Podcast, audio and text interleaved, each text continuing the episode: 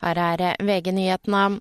Politiet i Oslo rykket i natt ut etter melding om skudd mot en leilighet på Løren. Ingen er meldt skadet eller pågrepet etter hendelsen. Det er funnet flere kulehull i en dør, og en person er sett løpende fra stedet, opplyser politiet.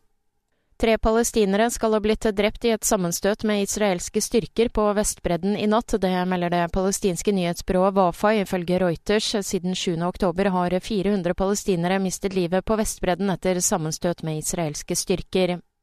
Flere beboere ble evakuert i forbindelse med røykutvikling i en bolig i Tromsø i natt. To personer skal ha pustet inn røyk og ble fulgt opp av ambulansepersonell. Australsk politi etterforsker Taylor Swifts far for å ha angrepet en fotograf.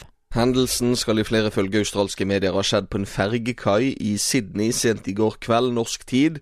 Swift og hennes crew skal ha vært på et cruise i Sydney havn. En talsperson for Swift sier fotografen hadde opptrådt aggressivt i forkant. Fotografen skal ikke ha blitt skadd. Reporter var Thomas Alsaker. I studio Kristin Strand, nyhetene får du alltid på VG.